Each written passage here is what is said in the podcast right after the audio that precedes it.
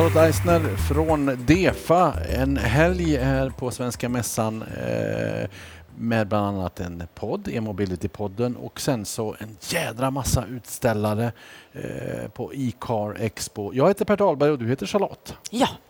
Du, vad tar du med dig från den här, eh, dessa dagar tre? Att allting har varit minst dubbelt så stort och dubbelt så bra som förra året. Och förra året var det dubbelt så stort och dubbelt så bra som året dessförinnan. Både i antal besökare och vad alla besökare här faktiskt kan och vet och vill göra nu. Så intresset har ju ökat lavinartat. Sen är det mycket vill och inte så lika mycket action, tyvärr. Nej, mycket vill är det ju. Vi har ju pratat med, vi har gjort, vi har intervjuat över 40 personer i e-mobility-podden. 40 personer på tre dagar. Alla som har någon slags brinnande intresse just för den elektriska mobiliteten. Mycket samstämmigt skulle jag säga och på vissa andra sidor så, så har man lite olika perspektiv. Vill du höra vilka? Ja, men jättegärna. Berätta vad du har tagit med dig. Jo, men det är naturligtvis så. Det, no, vissa ställen som återkommer är, är att det är svårt att få leveranser. Det är svårt att få till alla batterier som behövs. Det finns en lösning för hur man ska ta hand om batterierna efteråt, tar jag med mig. Att det inte behöver återvinnas utan att det återanvänds. Och där finns en, en skillnad. Det finns en jädra massa smart teknik, inte minst här i Sverige. Det är coolt. Det man återkommer till också nästan alla oavsett om man tycker att det är staten som ska vara med och, och finansiera infrastrukturen, kanske uppe i Norrlands inland, eller om det är marknadskrafterna, det är att det är som att det är hål just nu. Det har gått framåt på massa ställen, men så är det liksom motorvägen börjar byggas, men det är hål överallt. Det går inte tillräckligt fort att, att få det att bli e-mobilt. Nej. Och, och där kan man säga att det behöver, om man tittar på affärsmodeller och så vidare så behöver det balanseras. Och den eh, aktören som behöver vara med fullt ut det är ju biltillverkaren och bilåterförsäljaren. Och då vet vi att de har en ganska tuff resa att gå nu. De eh, har tjänat mycket pengar genom åren på oljebyten och servicer och byten av bromsskivor och så vidare. Och här behöver man nu hinna med att formulera en helt ny affär. För det vi vet om elbilen det är att den inte behöver servas så mycket. Man skojar ju om det, att det är under hundralappen i månaden som du behöver lägga undan för att underhålla din elbil. Och om du då har en hel industri som har tjänat mycket pengar på den typen av underhåll underhåll tidigare så är det nu en omställning som ska göras. Så det har varit både gas och broms också ifrån leverantörernas sida. Och såklart bristen på eh, råvara till våra batterier som bromsar idag.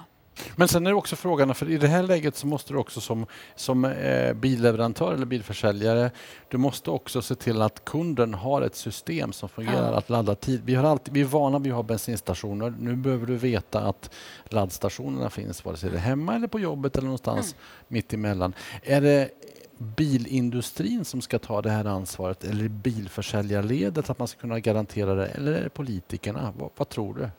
Politikerna är ju möjliggörare och kan ju som vi ser nu hjälpa till med finansiering och rabatter när marknaden fortfarande är liten.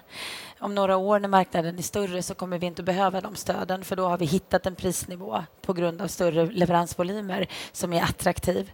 Eh, men där är politikerna viktiga. Men annars så är det just nu den som säljer bilen eller den som har ett ansvar för fastigheten. Det är de två aktörerna som behöver lösa laddningen. Och jag är helt säker på att de barnen som föds nu eller går på dagis nu, de kommer inte ha en aning om vad en bensinstation är när de växer upp och tar körkort. Utan då är det lika självklart att bilen laddas hemma där jag bor som det är att du ringer på en smartphone där du swipar. Det är ju ingen unge idag som vet om den här analoga telefonen med den runda. Så fort. Alltså det kommer att gå så snabbt framåt. För det är det enklaste sättet, att du laddar där du bor. Vi pratade också med Ludvig som precis eh, har tagit körkort och så. Och han valde att inte ens ta körkort för eh, manuell växel. För han räknar med att jag kommer bara köra automat eller elbil och då, ja. jag behöver inte ha det. Nej. Eh, så att det kommer en ny generation som ja. vänder sig vid det här. Men vad är det det behöver snabbas på nu då för att hinna med? För det är ju de här hålen vi pratade om ja, tidigare. Jag ska säga just nu så behöver vi se att fler bilar kan levereras.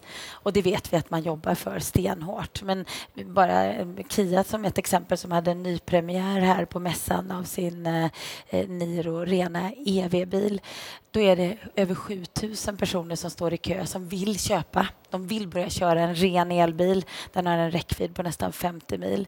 Men vi vet också att Sverige får en tilldelning på knappt 3000 bilar under nästa år. Och det gäller att vi håller, håller igång det här intresset, att det finns andra bilmodeller som kan steppa upp och leverera. Eh, för det är någonting som bromsar. Så kunderna finns men, men det, är svårt att det är svårt också att behålla kunder om man kommer till, till eh, bilfirman och säger jo du får den men du får vänta fem månader ja. eller tio månader ja. eller i värsta fall ännu längre. Mm. Då går de ju någon annanstans eller väljer en fossildriven bil. Ja, men idag väljer man den fossildrivna bilen med lite mer smärta.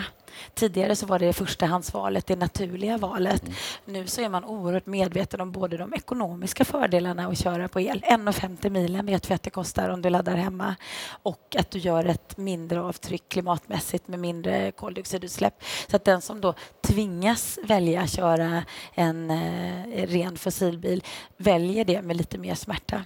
Och här tänker jag att det finns ju några megatrender som vi kan ta hänsyn till här i samhället. Och en sån här megatrend är ju att du inte kanske nödvändigtvis behöver äga din elbil längre utan att du kan ingå i ett sammanhang där du streamar eller deläger i en bilpool. Och här ser vi ju många fina exempel ifrån fastighetsägare, stora fastighetsägare, bostadsrättsföreningar där huset väljer att lisa elbilar som laddas i garaget. För då vet man att då har man fått in ett potentiellt energilager, ett flyttbart energilager in i sitt hus så att man kan kapa effekttoppar under kvällstid med hjälp av elbilarna.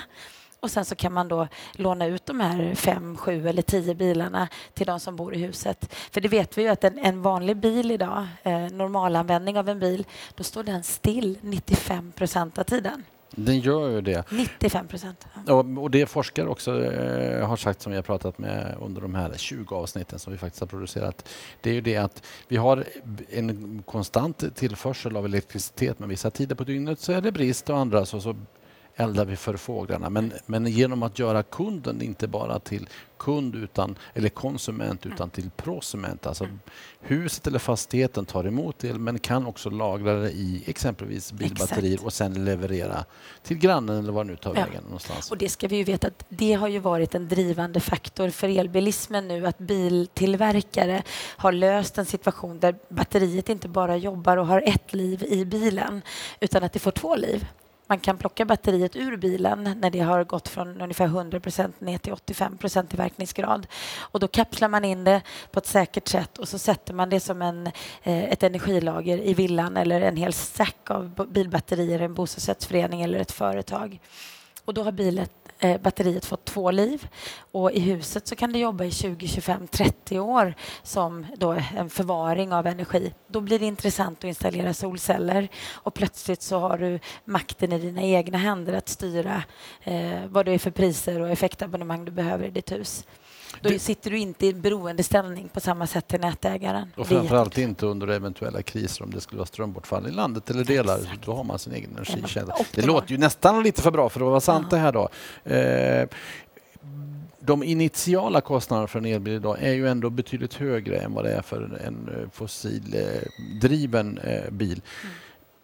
Forskarna pratar om att ja, någonstans ett break-even på tre år. Sen så, så, där har det gått jämnt ut. Men vad gör vi då eh, för eller vad gör vi? Vad gör man för att hitta kunderna som har svårt att, att börja köra elbil nu av kanske ekonomiska skäl?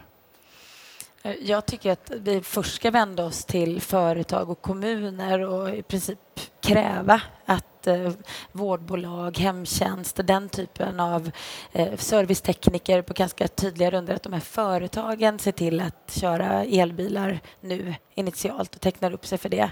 Och sen så får vi acceptera att privatpersoner får komma till efterhand.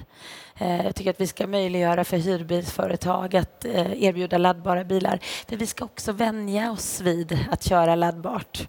Eh, och förhoppningsvis ligger alltså ekonomin det blir, ja, det blir billigare efterhand. Ja, ja, och det är helt uppenbart att eh, en ren elbil är mer optimal att tillverka och den kommer att bli mycket billigare än en hybrid, en laddhybrid, för där har du ju två drivlinor. Mm. Du måste gå all in både på bensin eller dieselmotorn och eldrivlinan.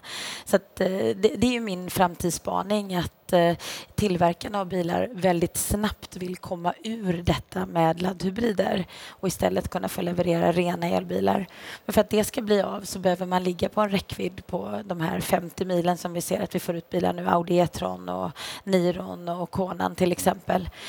Och sen så eftersom vi inte har en bensintank eh, eh, som har max eh, 70 liter utrymme i de här elbilarna så kommer vi att kunna se bilar som har mycket, mycket längre räckvidd än vad vi är vana vid att vi har idag med bensin och dieselbilar framåt. Batterierna kan packas mycket mer effektivt. Vi är väldigt lika den situationen som var tidigt 90-tal, tror jag, när mobiltelefonerna gick och var den här stora, tunga eh, hela tre timmars telefontid, eh, Yuppinallen som kostade jättemycket och sen så, så precis någonstans där mitten på 90-talet tidigt så började det bli var mans egendom och ja. nu, mm, nu har man råd med de flesta har råd med det och det är inte. Ja. Och samma sak kommer antagligen då hända med den elektriska ja. bilen, eller?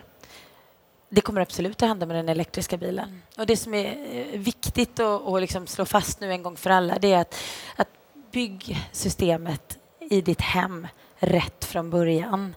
Du gjorde parallellen till mobiltelefoner och där har vi sett att i takt med att man använder mer mobiltelefoner och laddar dem lite här och där så har det ibland blivit värmeutveckling i laddning av mobiltelefonen och vi har kunnat läsa om eh, bränder eller risk för brand i alla fall vid mobiltelefonladdning. Det är ännu viktigare nu när vi kör elbilar att vi ser till att få en ordentligt riggad laddning eh, hemma där vi bor men också på jobbet. Eh, att vi tar hand om eh, de DC-läckströmmarna som blir när man laddar ett bilbatteri, stoppar dem redan i laddboxen och har en, en utbildad certifierad installatör som gör jobbet rätt dimensionerat för elbilen. Investeringen i en sån här korrekt laddlösning ligger runt kostnaden för en iPhone X. Vi pratar mycket mobiltelefon, mm. men med ladda hemma-bidraget som vi faktiskt får nu, enkelt att söka. Söker med mobilt bank-id, laddar upp ditt kvitto på Naturvårdsverkets hemsida så landar du i en kostnad någonstans mellan 9 och 11 000 för en väldigt välfungerande laddbox hemma. Det är inte dyrt. Charlotte Eisner från DEFA, tack för att du var med. Tack.